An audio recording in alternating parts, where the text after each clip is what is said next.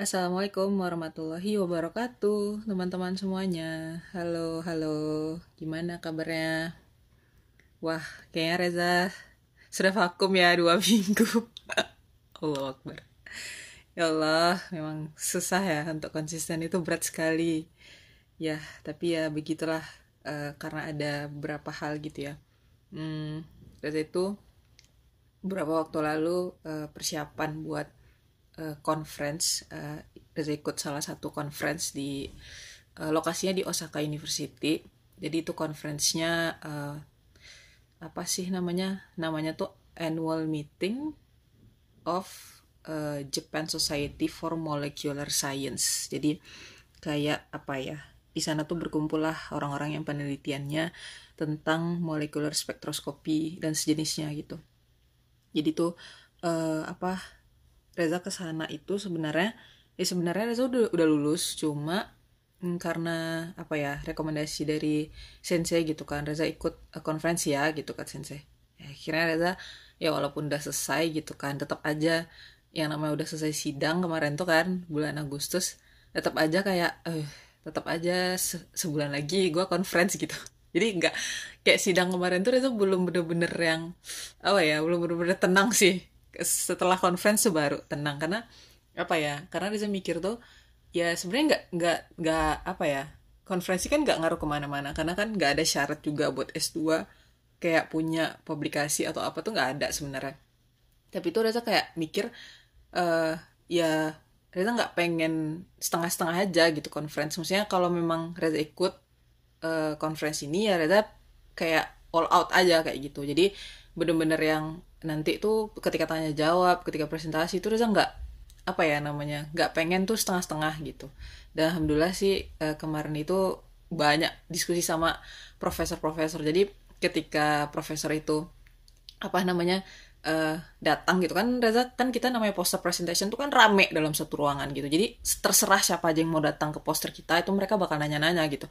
Dan Reza kan nggak tahu siapa-siapa aja yang nanya entah mereka profesor entah apa. Pokoknya semua Reza panggil sensei gitu Nah ternyata setelah Reza udah banyak banget diskusi sama orang-orang, Sensei Reza datang gitu. Jadi Sensei Reza tuh dari awal sengaja nggak datang kayaknya ke stand. Jadi dia lihat dari jauh aja gitu.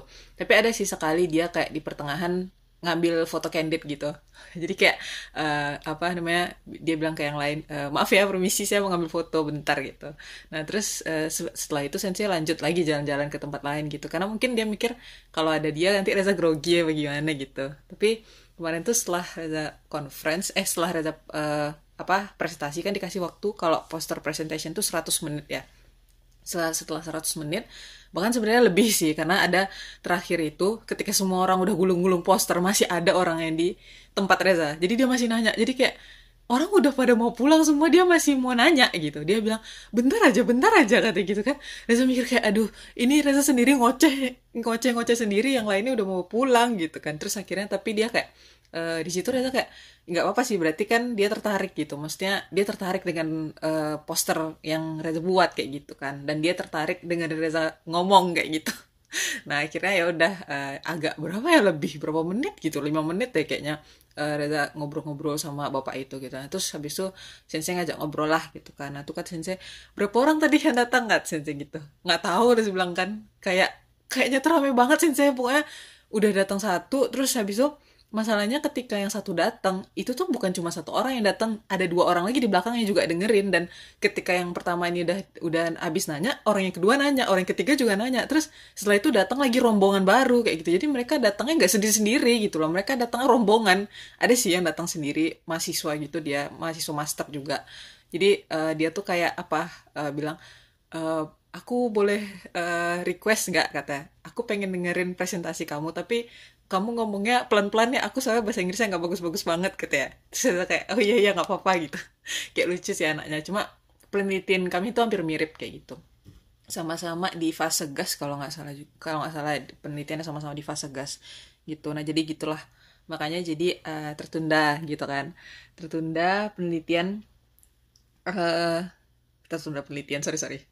Ada DM masuk uh, tertunda uh, podcast ini gitu. Nah, tapi kali ini Reza tuh pengen ngebahas satu hal yang mungkin nggak tahu ya Reza tuh relate apa enggak sama anak-anak Gen Z sekarang. Tapi Reza rasa Reza tuh optimis loh sama anak-anak Gen Z sama sama sama kita kita yang Gen Z ini gitu ya karena nggak tahu kenapa ya terlalu semakin terlalu banyak stigma negatif yang diberikan kepada Gen Z Reza tuh semakin yakin kita bisa kok gitu. Maksudnya uh, kita nggak seburu itu gitu loh. Iya zaman emang berubah gitu kan. Tapi kenapa sih kita tuh selalu pesimis gitu? Kita tuh selalu menganggap semuanya itu kayak buruk gitu. Iya kita boleh curiga. Kita boleh uh, apa namanya kayak meningkatkan awareness kita gitu. Tapi kita nggak juga nggak boleh berlebihan gitu loh. Maksudnya oh anak Gen ini berarti nggak bisa apa-apa. Oh anak Gen ini nggak bisa mikir. Oh anak Gen ini lelet. Oh anak Gen ini bisa ngeluh-ngeluh doang kayak apa segala macam. Padahal banyak juga di antara Gen Z itu yang jadi generasi sandwich gitu atau generasi strawberry gitu kan. Jadi kayak uh, apa ya sandwich generation sama strawberry generation itu kan. Jadi Reza mikir kayak apa ya namanya uh, ya setidaknya kita mesti ngangkat juga lah gitu kan sesuatu hal yang apa ya namanya yang kita bisa meningkatkan kualitas diri kita lah gitu. Nah dalam ini dalam hal ini teman-teman bisa lihat di judulnya gitu ya. Lihat di judulnya itu Reza buat um, kan kita dulu sering dengar ya buku adalah jendela il, jendela dunia gitu. Jadi dengan membaca buku kita tuh membuka jendela apa ya kita membuka jendela untuk mengetahui dunia gitulah ibaratnya. Jadi buku adalah jendela dunia gitu. Nah karena kan ibaratnya buku itu sebagai sumber informasi ya gitu.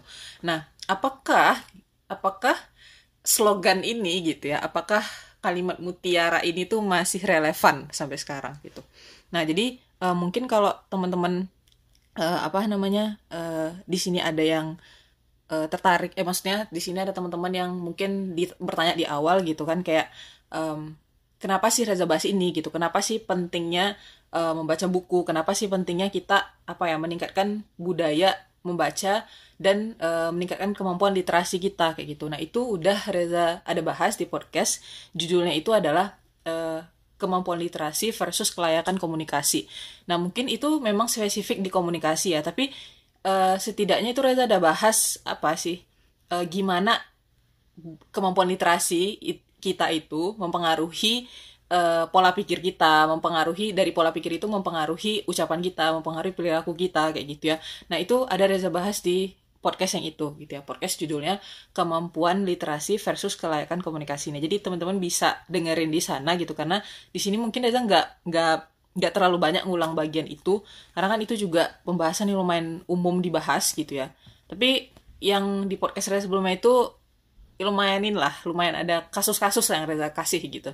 Jadi dan kasusnya lucu. Jadi teman-teman bisa dengerin ya di sana. Nah jadi itu. Nah terus uh, apa namanya yang pertama nih yang mau Reza angkat gitu ya. Uh, permasalahan yang mau Reza angkat pertama gitu.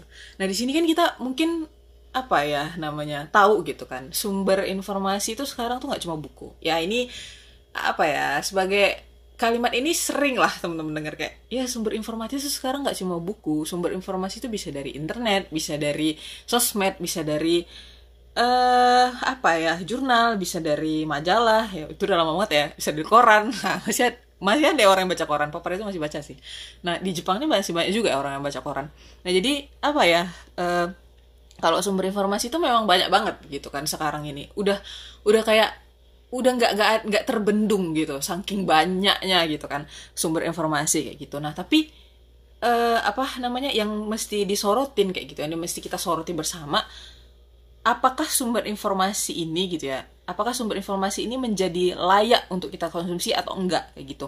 Apakah sumber informasi ini tuh menjadikan hidup kita ini tuh eh, menjadi apa sih namanya tuh menjadi ada isinya atau semakin kayak ya penuh doang. Ibaratnya isi pikiran kita ini penuh tapi sebenarnya esensinya tuh nggak ada gitu loh. Jadi kita nih nerima informasi sebanyak banyaknya gitu kan. Kita tuh kayak dapat aliran informasi yang begitu deras gitu ya setiap hari kita misalnya kita baca Twitter aja tuh ya kita baca satu headline misalnya dan, dan satu headline ini yang bahas banyak gitu orang banyak quote tweetnya dan segala macam gitu ya dan terus juga misalnya kita buka lagi Instagram atau kita buka lagi thread yang thread yang baru ya bukan thread-thread ya nah terus habis itu kita buka apa sih sosial media yang lain ada yang misalnya yang punya Facebook juga gitu kan dan misalnya kita buka WA juga gitu itu kan lumayan apa sih? Oh di atas ribut banget. Kayaknya lagi ada yang geser-geser meja. Maaf maaf. Jadi ini ke distract kaget soalnya. Nah jadi tuh uh, tadi sampai mana kita bahas? Kan lupa kan? Gara-gara ini gara-gara bunyi di atas. Dia kayak mindahin kasur deh. Nah jadi itu kalau uh, apa ya bagi Reza itu kan sekarang ya kita kan banyak gitu ya sosmed ada Instagram ada lain-lain kayak gitu kan. Nah itu kan banyak banget informasi yang kita dapatkan. Nah itu apakah informasi yang bener-bener kita butuhkan apa enggak gitu? Nah ini mungkin teman-teman sering banget denger kayak gitu kan. Dan kalau misalnya kita berpikir ya kalau misalnya kita mau nih bener-bener kita oke okay, kita berpikir kita pikirin ini tuh uh, sebagai sesuatu yang menjadi concern kita. Maksudnya kan kayak gini kan kita sebagai manusia gitu ya oh apa sih akal kita ini kan butuh sesuatu yang namanya informasi gitu. Jadi salah satu komponen kita ya Allah ribut banget.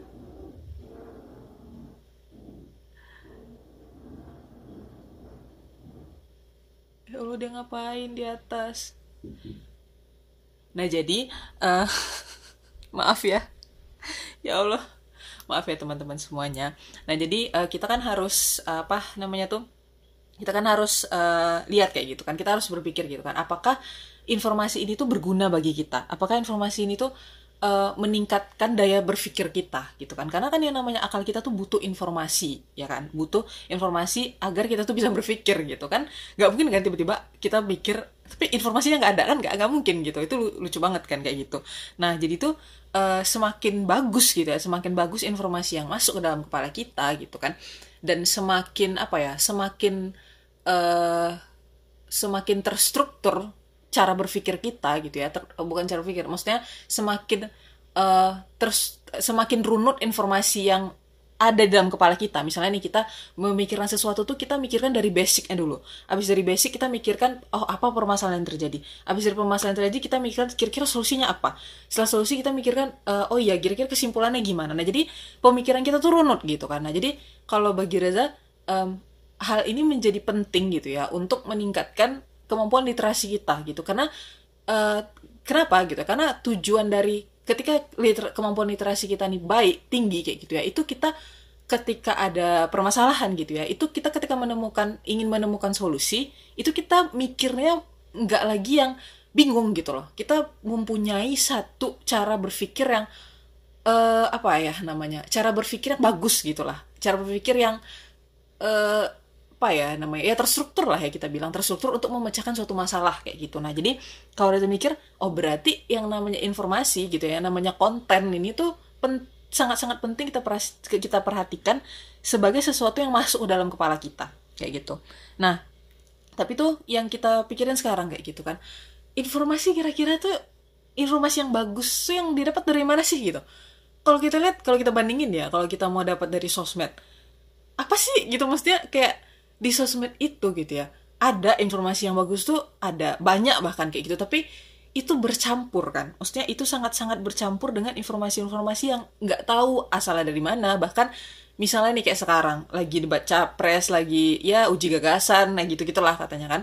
Tapi kalau bisa kalau misalnya kita lihat gitu ya saking rendahnya literasi orang kita gitu orang Indonesia ini jadi kayak ini misalnya nih baru diupload gitu kan di mata Najwa gitu. Video durasi satu jam gitu. Nah dalam satu jam itu itu tuh ada pembicaraan yang di sana tuh ada konteksnya gitu. Nah itu kan dipotong-potong kan. Dan ketika dipotong-potong di share lah ke sosial media gitu.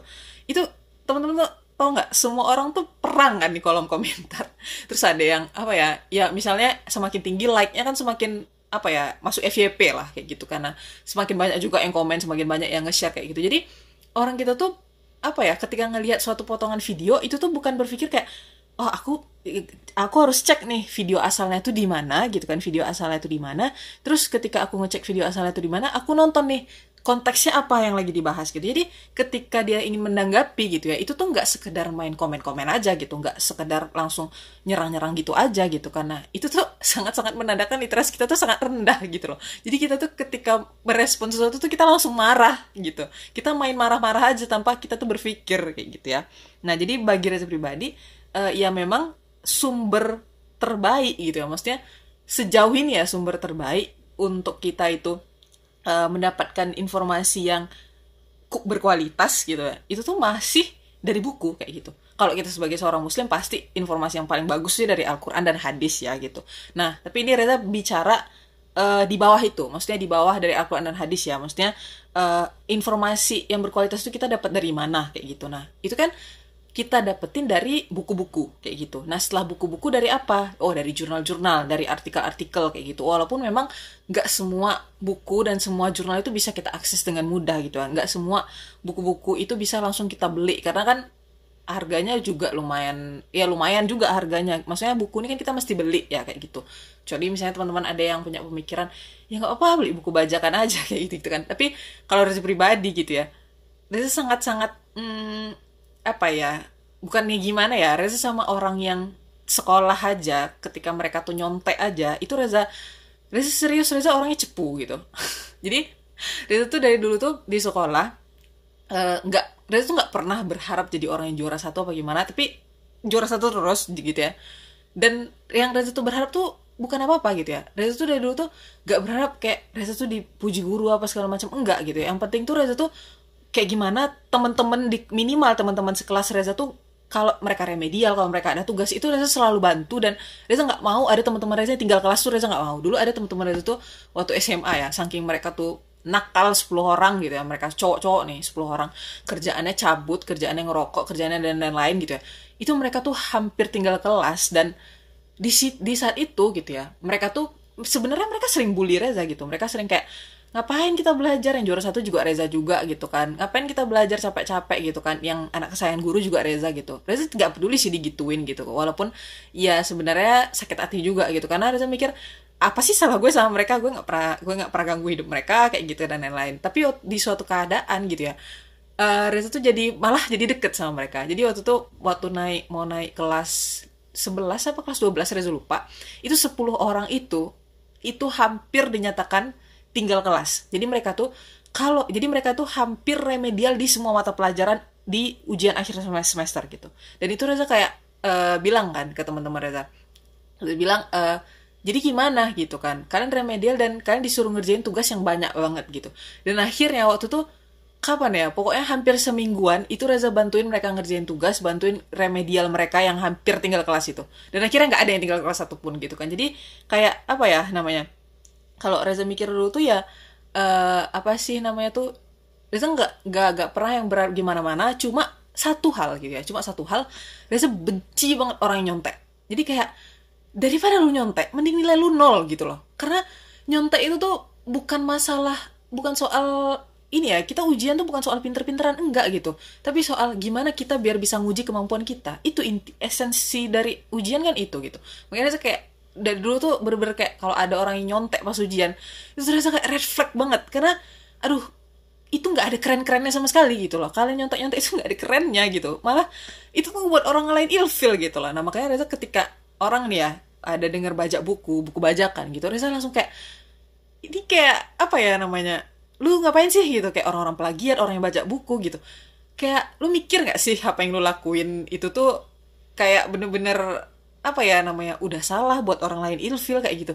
Karena itu tuh nggak akan menyelamatkan siapa pun gitu loh. Itu bahkan merugikan orang banyak kayak gitu. Nah jadi Reza ini pendapat Reza pribadi ya. Reza sangat sangat sangat sangat tidak suka dengan uh, orang-orang yang apa ya beli buku bajakan gitu. Karena dia mensupport para orang yang buat buku bajakan itu kayak gitu dan padahal yang padahal penulis penulisnya para editor para apa namanya tuh produser dan lain-lain kayak gitu ya yang mencetak bukunya dan publisher sorry publisher gitu gitu itu mereka nggak ngambil untung banyak gitu loh dan itu nggak dihargai sama orang yang baca buku ini gitu. Nah jadi uh, kalau bagi Reza ya memang buku itu nggak murah gitu ya karena yang namanya ide itu mahal teman-teman. Nah di sinilah makanya Reza Reza pengen highlight gitu ya.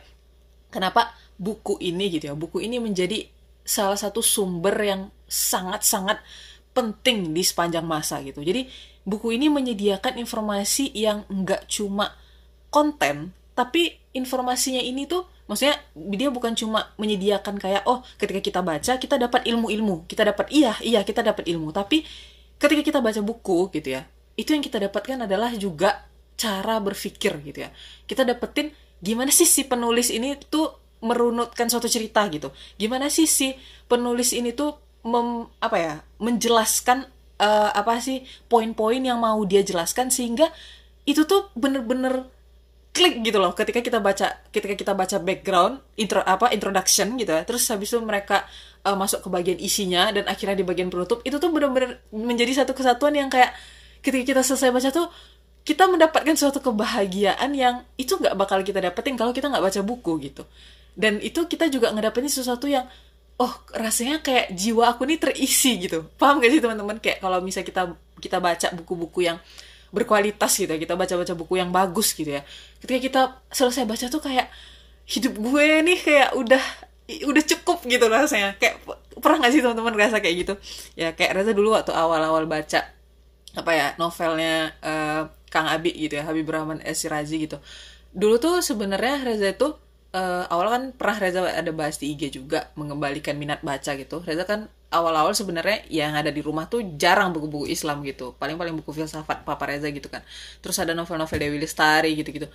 Kalau dulu ya pertama-pertama baca Dewi Lestari itu tuh kayak Reza tuh dapetin alur cerita di kepala dia Reza dapet gitu. Cuma Reza tuh nggak dapet kayak ruhnya tuh nggak nyampe ke Reza gitu. Tapi ketika baca buku Kang Abi, pertama kali Reza baca novel itu Api Tauhid itu kayak aduh gila. Itu langsung ngefans sama ini sama Badiu zaman Said Nursi bahkan waktu itu gokilnya gitu ya waktu itu gokilnya. Jadi ada yang namanya uh, apa ya pelatihan mujahid gitu di ITB Salman ITB gitu ya. Itu tuh gara-gara Reza tuh buat uh, suatu apa Reza tuh buat esai. Jadi itu kan uh, waktu itu ada beberapa tahap seleksi gitu kan biar kita bisa ikut pelatihan mujahid ini. Jadi itu dia pelatihan mujahid nasional gitulah dan itu diseleksi yang lolos cuma berapa orang gitu. Nah, itu Reza kayak udah ini seleksi tahap tahap sampai seleksi tahap akhir gitu. Dan waktu di tahap yang kedua ya waktu itu nggak salah dia ada tiga tahap. Pertama tuh kalau nggak salah berkas-berkas gitu udah lolos gitu kan. Terus yang kedua itu esai. Esainya ini bukan cuma yang ya esai doang enggak tapi esainya ini kita bisa diaplikasikan kayak gitu. Dan yang ketiga tuh wawancara. Nah di wawancara ini Reza nggak lolos. Nggak lolos Reza tahu sih kenapa tapi ya udah nanti lah kapan-kapan kita cerita. Nah jadi tuh Reza tuh waktu itu setelah baca buku Api Tauhid gitu ya Reza tuh langsung kepikiran gimana kerangka pendidikan yang bisa kita aplikasikan secara nyata di lingkungan masyarakat kita dari inspirasi Badiou Zaman Said Nursi gitu. Dan itu Reza buat esainya gitu. Dan Reza mikir wah ternyata apa ya namanya dari baca satu buku aja gitu ya. Bisa ini tuh bukan apa ya bahkan tuh Reza mikir kayak kalau cuma satu esai ini doang nih terlalu sedikit bahkan gitu. Jadi ketika selesai Reza membaca novel itu Api Tauhid itu Reza mikir ini bakal banyak banget yang bisa dibuat sebenarnya setelah Reza baca satu novel ini gitu kan. Nah di situ Reza kayak wah gila sih. Maksudnya eh, dari buku ini tuh kita banyak dapet uh, dapat banyak hal gitu. Nggak cuma nggak cuma dari sisi intelektual tapi dari sisi spiritual pun dapat gitu kan. Nah jadi bagi Reza kayak apa ya namanya? Itu sih uh, kalau misalnya kita baca buku gitu kan kita baca buku kita dapetin hal-hal yang itu tuh nggak expect sebelumnya kita dapet gitu. Karena ketika kita nih ketika kita tuh baca gitu ya dan ketika satu de, apa kata demi kata kalimat demi kalimat itu masuk ke dalam kepala kita dan masuk ke relung jiwa kita. Itu kayak kayak lagi apa ya teman-teman pernah nggak sih ngeliat orang yang lagi nonton film Netflix misalnya nonton di Netflix itu sampai nangis. Nah itu tuh ya ketika kita baca buku dan kita bisa sampai nangis itu rasanya tuh mirip sama ketika kita nonton gitu. Bahkan ketika kita baca tuh rasanya lebih lagi gitu. Rasanya tuh kayak ada yang misalnya nih kita lagi ada di di bacaan yang ngebuat kita tuh beneran apa ya namanya tuh beneran kayak refleksi diri kayak gitu. Nah itu kayak bener-bener ada yang nepuk pundak kita. Sabar sabar kayak gitu. Kayak bener-bener ada yang kayak dia tuh teman kita gitu. Jadi kayak kita baca buku dia tuh bakal jadi kayak sohib kita gitu lah. Jadi kayak misalnya nih kita lagi baca satu buku. Kayak Reza bisa lagi baca apa bisa lagi baca lagi rentang baca novel-novel Kang Abi itu ya.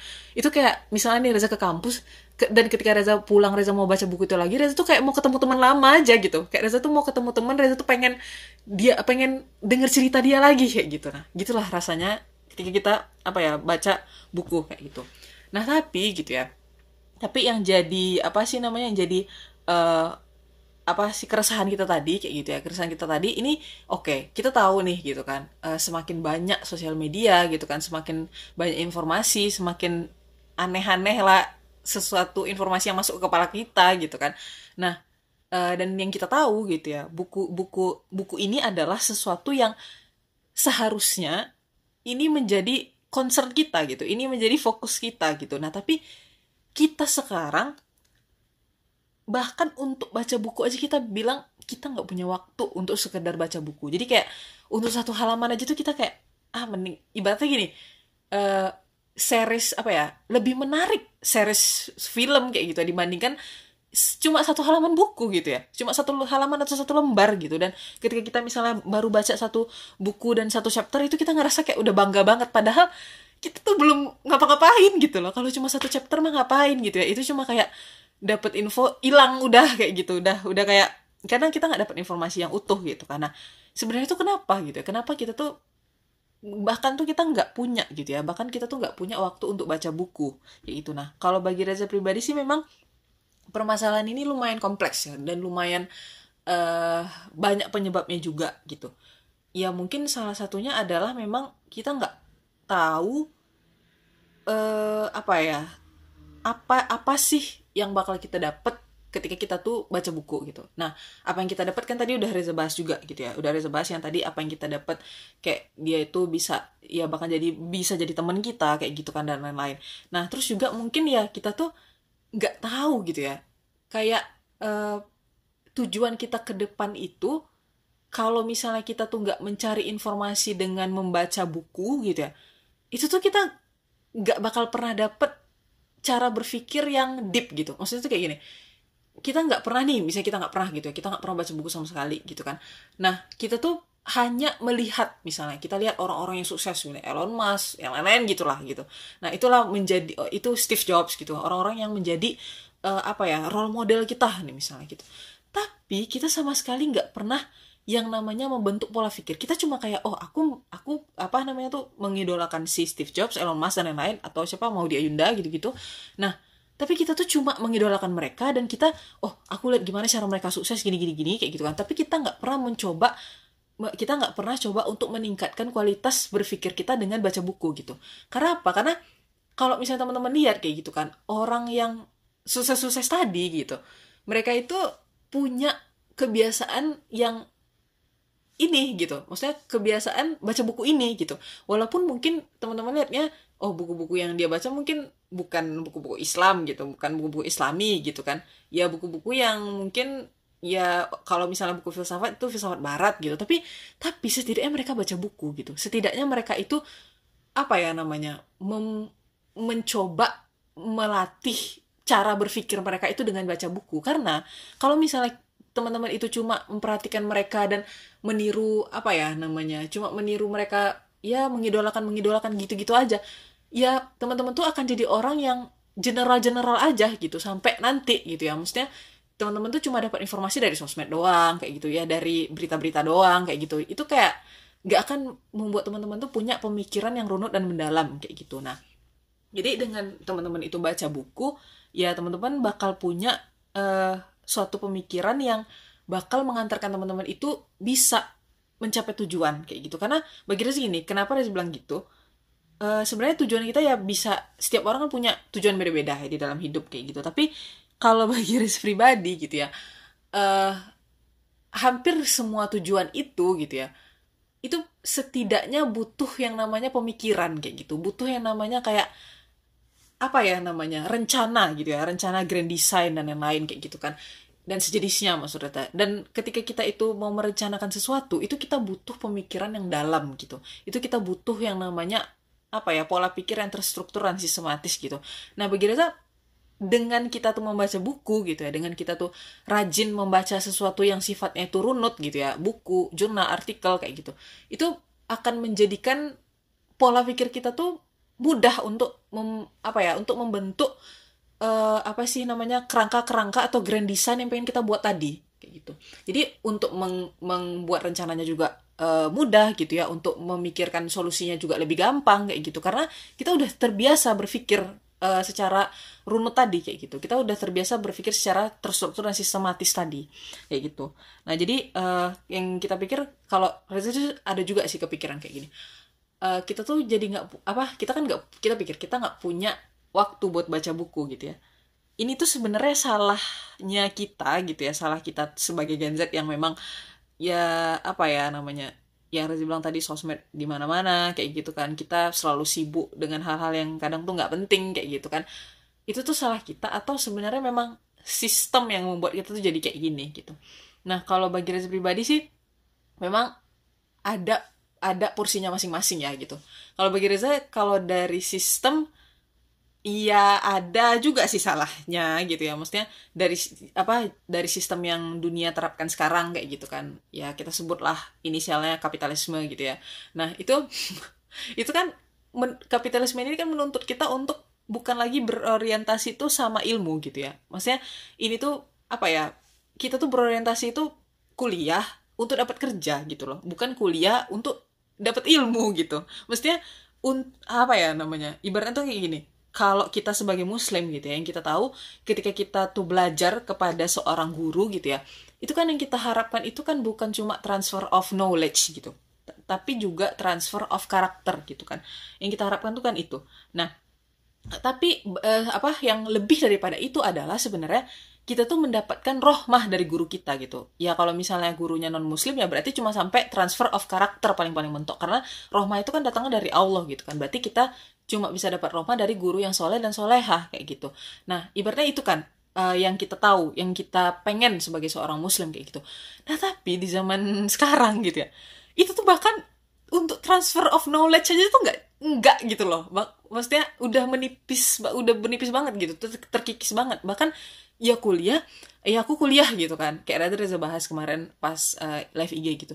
Ya kita kuliah memang dapat ijazah itu nggak masalah kayak gitu kan. Itu oke oke aja gitu kan dan uh, apa namanya memang itu kenapa gitu itu kan itu gara-gara memang ya zaman ini sistemnya tuh udah udah udah chaos gitu loh. Udah orang kalau misalnya nggak kerja nggak ibaratnya nggak cepet lulus gitu ya terus juga kalau misalnya nggak segera dapat ijazah kuliah gitu itu ya dia mesti misalnya nih kalau misalnya tambah semester mau bayar uang kuliah lagi orang tua nggak bisa bayarin harus kerja sampingan harus ini apa segala macam sandwich generation jadinya kayak gitu-gitu. Jadi orang berorientasi aku kuliah ya udah biar cepet dapat kerja gitu. Jadi udah lagi nggak berpikir transfer of knowledge lagi udah ya nantilah itu soal-soal ilmu nantilah gitu. Ujung-ujungnya ya gimana? Ujung-ujungnya uh, apa ketika kuliah misalnya kayak Reza contohnya di FMIPA yang namanya anak FMIPA kita tuh kan natural sciences ya katanya yang namanya anak natural sciences gitu ya itu kan lekat sama hal-hal yang filosofis sebenarnya.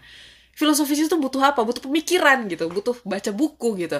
Bahkan ketika kita buat laporan ketika kita buat uh, yang namanya tugas gitu kan kita rangkum paper apa segala macam itu teman-teman Reza tuh nggak lagi baca buku bahkan teman-teman itu jadi kayak dia cari aja uh, review apa di internet udah kopas gitu untuk tugas. Udah gitu doang. Jadi kayak udah udah nggak sangat-sangat nggak minat lagi buat baca buku tuh serius. Jadi kayak udah bahkan ya di lingkungan kuliah aja mungkin kalau teman-teman di sini yang ITB UGM UI dan dan sejenisnya gitu mungkin masih bisa lah terselamatkan gitu sama dosen-dosen yang killer gitu kan. Nah dosen-dosen yang benar-benar ngecek oh ini plagiat ini apa segala macam. Kalau Reza di kampus Reza dulu nggak terlalu gitu ya. Jadi orang-orang yang mungkin nggak terlalu apa ya maksudnya orang-orang yang benar-benar ya udah yang penting gue tugas gue kelar kayak gitu. Ya udah itu ya bener-bener kadang ada yang jiplak punya temen lah jiplak temen yang kelasnya lain. Ya itu kan gurunya apa dosennya beda gitu ya. Kayak Reza gila ya Reza mikir gitu. Jadi kayak semua ya dari sistem yang atas itu ke bawah itu parah. Jadi kayak Reza mikir gitu ya semakin ke sini ya semakin susah gitu ya kita untuk mendapatkan waktu yang benar-benar kita bisa pakai untuk setidaknya buat baca buku gitu loh dan menurut saya sistem ini benar-benar merenggut kita gitu ya sedikit demi sedikit gitu. Nah terus juga uh, apa namanya yang Reza bilang tadi gitu ya uh, mengenai sistem ini kita lanjutin ya. Nah ini ini akal-akalan Reza aja sih maksudnya pemikiran Reza aja sih gitu ya. Ini bukan yang abang-abang filosofis itu ya lu punya lu punya apa duit lu punya kuasa bukan itu ya. Ini soal pemikiran Reza aja gitu ya. Nah jadi kalau teman-teman lihat gitu ya buku-buku bestseller di Gramet itu tuh tentang apa sih sekarang gitu? Kalau kita lihat uh, beberapa tahun terakhir gitu ya. Reza tuh sebenarnya ke Gramet itu lumayan sering dari sejak Reza itu SMA gitu. Karena SMA dulu Reza ngekos dan kebetulan uh, eh, SMA Reza itu kan di tengah kota. Di tengah kota itu uh, deket kan maksudnya di Jalan Sudirman. Kan biasanya kalau di mana-mana tuh yang namanya Jalan Sudirman itu kan tengah kota ya. Maksudnya deket-deket sana kayak gitu Reza tinggalnya Nah, jadi uh, di Jalan Sudirman itu ada namanya tuh Mall Pekanbaru. Nah, Mall Pekanbaru itu dia di sana ada Gramedia gitu. Dan itu bukan Gramedia pusat tapi lumayan lengkap lah gitu. Dan kalaupun Reza mau ke Gramedia pusat itu juga nggak terlalu jauh dari sana sebenarnya. Jadi uh, Reza bisa jalan kaki lah ke kawasan. Jadi kalau misalnya pulang sekolah Reza nggak ngapa-ngapain itu biasanya Reza ke Gramet. Ya cuma sekedar kayak lihat-lihat aja apa yang lagi bestseller, apa yang lagi hype kayak gitu kan. Atau sekedar misalnya uh, nyoba-nyobain pena warna-warni. udah gitu-gitu doang lah Reza. Atau misalnya liatin harga-harga sepatu Nike atau apa sih Adidas gitu-gitu harga kaos kaki diskon nggak beli dua grade satu. Ya sekitar kayak gitu sih Reza keliling-keliling Gramet kayak gitu kan. Nah itu Reza tuh ngeliat ya gitu. Buku-buku yang bestseller tuh rata-rata buku-buku self improvement gitu. Di situ Reza kayak orang-orang sekarang apa ya maksudnya tuh kayak gini Reza kayak kok orang banyak banget ya yang ngejar-ngejar buku-buku self improvement kayak gitu akhirnya dia penasaran lah kan penasaran gitu. Dia beli lah satu buku. Waktu itu cara untuk bersikap bodoh amat. Apa ya? Oke the subtle art to giving a FUCK itulah. Nah bahasa Inggrisnya gitu. Nah dia tuh lupa bahasa Indonesia apa ya. Pokoknya hidup untuk biar merasa bodoh amat apa sih?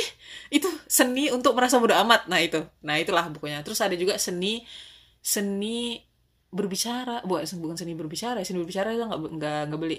Ya pokoknya untuk bersifat bodoh bersikap bodoh amat tuh Reza beli gitu kan. Itu Reza baru kayak paling mentok baca satu chapter gitu kan.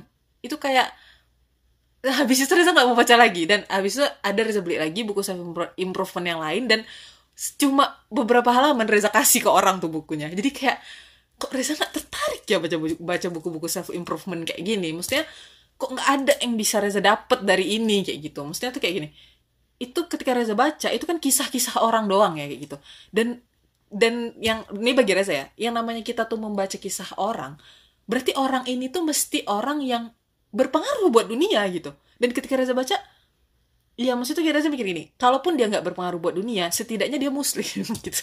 Masih kalau bagi Reza ya, karena apa sih pelajaran yang bisa Reza ambil dari orang ini gitu. Dan ketika Reza lihat tuh, Reza baca-baca, ya biasa aja sih kisahnya gitu. Maksudnya nggak yang nggak yang fenomenal fenomenal amat gitu. Apa karena Reza baca terjemahannya ya? Jadi nggak terlalu gimana gimana gitu. Cuma ya ketika Reza di sini Reza ada beli lagi gitu ya. Ada Reza beli lagi buku bahasa Inggris sih. Uh, lupa apa judulnya. Aduh malas lagi ngambilnya di dalam lemari.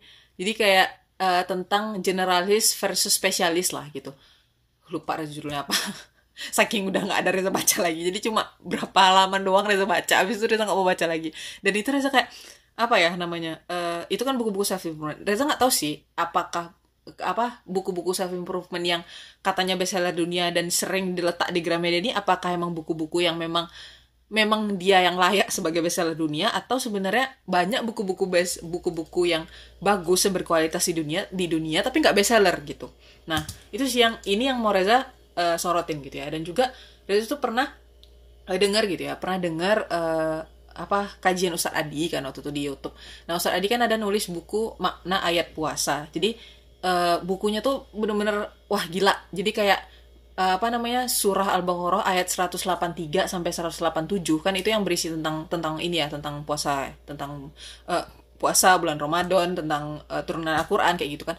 Itu bener-bener dibedah sama Ustadz Adi dalam satu buku itu bukan per kalimat tapi perkata gokil. Itu Reza kayak wah gila bukunya keren banget gitu. Itu Reza baca bukunya. Waktu itu itu adalah buku pertama yang bukan novel Reza baca dalam waktu yang gak lama. Jadi kayak habis ini apa lagi? Habis ini apa lagi? Reza bener-bener kayak wah ketagihan banget. Wih keren banget bukunya. Jadi kayak Reza masya Allah banget gitu kan. Dan hampir nggak ada typo Reza lihat di bukunya tuh. Terus habis itu waktu itu Reza ada ikut kan gitu ikut uh, usaha ini ada bahas buku ini buku bukunya beliau ini kan makna ayat puasa ini di uh, di YouTube gitu kan di YouTube-nya beliau. Dan beliau bilang beliau bilang buku itu diterbitkan setelah 9 tahun beliau itu nulis. Jadi selama 9 tahun buku itu masih diedit-edit gitu. Reza kayak hah 9 tahun? Jadi kayak Ustaz itu bilang saya uh, saya tuh sekarang gitu ya uh, ngelihat saya kan waktu itu sempat ke toko buku gitu kata dia ke ya ke toko buku ya biasanya yang besar tuh kayak Gramedia gitu kan. Nah jadi tuh ketika saya masuk gitu ya ke toko-toko buku itu saya lihat buku-bukunya tuh udah luma udah apa ya udah banyak yang nggak berkualitas kata Ustaz Adi kan. Udah turun kualitasnya kata Ustaz Adi. Kayak setiap orang tuh apa ya pengen masukin bukunya pengen masukin bukunya padahal itu kita nggak tahu apakah buku itu tuh berkualitas untuk dibaca apa enggak gitu. Terus tadi bilang saya aja nih setelah 9 tahun baru saya berani nerbitin ini buku. Dan terus saya kayak ya Allah padahal padahal ya Ustadz Adi tuh beliau tuh ulama.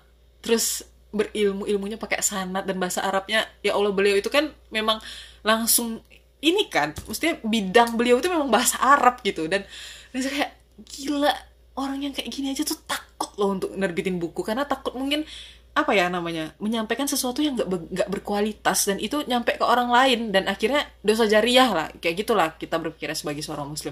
Itu aja kayak apa ya kenapa ya itu pikir kayak kenapa ya gitu ya buku-buku yang bagus-bagus gitu ya banyak loh di dunia ini teman-teman buku yang bagus banget banyak. Jadi kayak kalau misalnya kita tuh nggak pernah nyari dan nggak pernah ya kita tuh cuma ngelihat masuk toko buku lihat di bagian bestseller ya udah kita nggak akan pernah ini kalau bagi Reza ya kita nggak akan pernah ketemu buku yang bagus.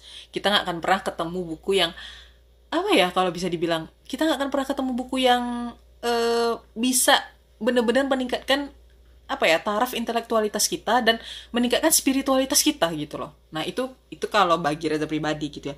Nah di sini tuh Reza pengen kayak ya ini akal-akalan Reza aja sih gitu. Apakah ini disebabkan karena memang orang tuh udah nggak nggak terlalu begitu apa ya namanya takzim sama ilmu gitu. Maksudnya takzim ya bahasanya. Pokoknya Reza tuh kayak orang tuh nggak menghormati ilmu lagi gitu loh. Jadi ilmu tuh cuma sebagai kayak oh ya dia transfer of knowledge aja udah kayak kayak bener-bener kayak bener-bener nggak berharga gitu loh. Jadi orang yang ya buku-buku yang teman-teman lihat aja. Misalnya nih buku-buku yang di Gramet itu gitu ya yang judulnya kayak seakan-akan membedah alam semesta kayak konspirasi apa segala macam kirain dari itu ya pas masuk Gramedia. Ini ada buku judulnya angkasa galaksi apa. Kirain dulu Reza kan nggak terlalu ini ya sama indie-indie kayak gitu-gitu. Reza kira tuh buku sains gitu loh. Ternyata pas dibuka lah buku cinta buku romantis romantis buku tentang pacar-pacaran. Reza kayak apa sih ini gitu? Kayak maksudnya gini, gini loh kayak kita tuh sebagai manusia dikasih akal yang itu kita bisa explore banyak hal gitu. Dan saya mikir kayak kalau misalnya istilah-istilah sains dijadiin hal-hal yang bucin-bucin kayak gini gitu ya ya sebenarnya nggak ada yang menyalahkan juga tapi nggak etis bagi Reza. Udah kayak aduh kacau banget lah pokoknya udah udah turun banget kualitasnya. Itu kalau kalau bagi Reza gitu. Jadi sem, apa ya sistem yang kayak gini udah ngebuat orang tuh nggak menghargai ilmu lagi gitu. Dan ini bener-bener bagi Reza sih bener-bener tantangan bagi kita sih gitu. Ini bener-bener kayak gimana nih caranya gitu? Gimana nih caranya biar eh, buku-buku ini gitu ya? Gimana caranya biar buku-buku yang eh, bagus-bagus gitu ya buku-buku yang berkualitas itu tuh bisa menjadi buku-buku yang masuk ke arah bestseller lagi kayak gitu. Karena Reza yakin di zamannya banyak buku-buku yang berkualitas itu pasti apalagi di zaman ini ya golden age ya yang katanya itu dibilang dark age gitu ya. Padahal itu adalah golden age gitu ya bagi kita gitu.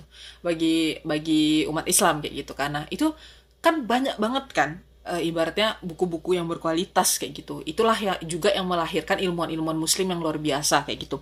Nah jadi saya mikir ini pasti ini pasti ibaratnya apa ya ada cara-caranya kayak gitu kan. Gimana sih caranya kita bisa lagi meningkatkan ilmu pengetahuan gitu? Gimana sih cara kita bisa ber- menyodorkan ini nih? Pemikiran-pemikiran yang berkualitas dari orang-orang yang memang beli orang-orang ya para ulama dan para tokoh-tokoh ini. Beliau ini sudah belajar menempuh pendidikan bertahun-tahun. Ada yang mungkin kuliah apa kuliahnya formal baik formal atau informal atau mungkin yang bener-bener apa ya namanya beliau ini sudah menekuni tulis menulis sudah 20 tahunan kayak gitu kan. Beliau ini sudah Eh, jadi editor berpuluh-puluh tahun kayak gitu. Atau ya orang-orang yang benar-benar concern terhadap ilmu gitu kan. Dan orang-orang ini ketika mereka tuh nulis buku itu tuh bukunya bagus banget gitu. Ketika kita baca ini tuh buku ini tuh beneran yang aku cari gitu. Dan aku aku ketika baca ini gitu ya aku ngedapatkan sesuatu yang beda. Aku ngedapatkan sensasi yang luar biasa gitu. Nah makanya bagi Reza apa ya namanya uh, gimana cara kita juga mau ningkatin baca buku ya? Kita memang bener-bener nggak bisa diem aja terus emang cuma kayak uh, ngelihat oh ini buku-buku bestseller kita baca. Enggak.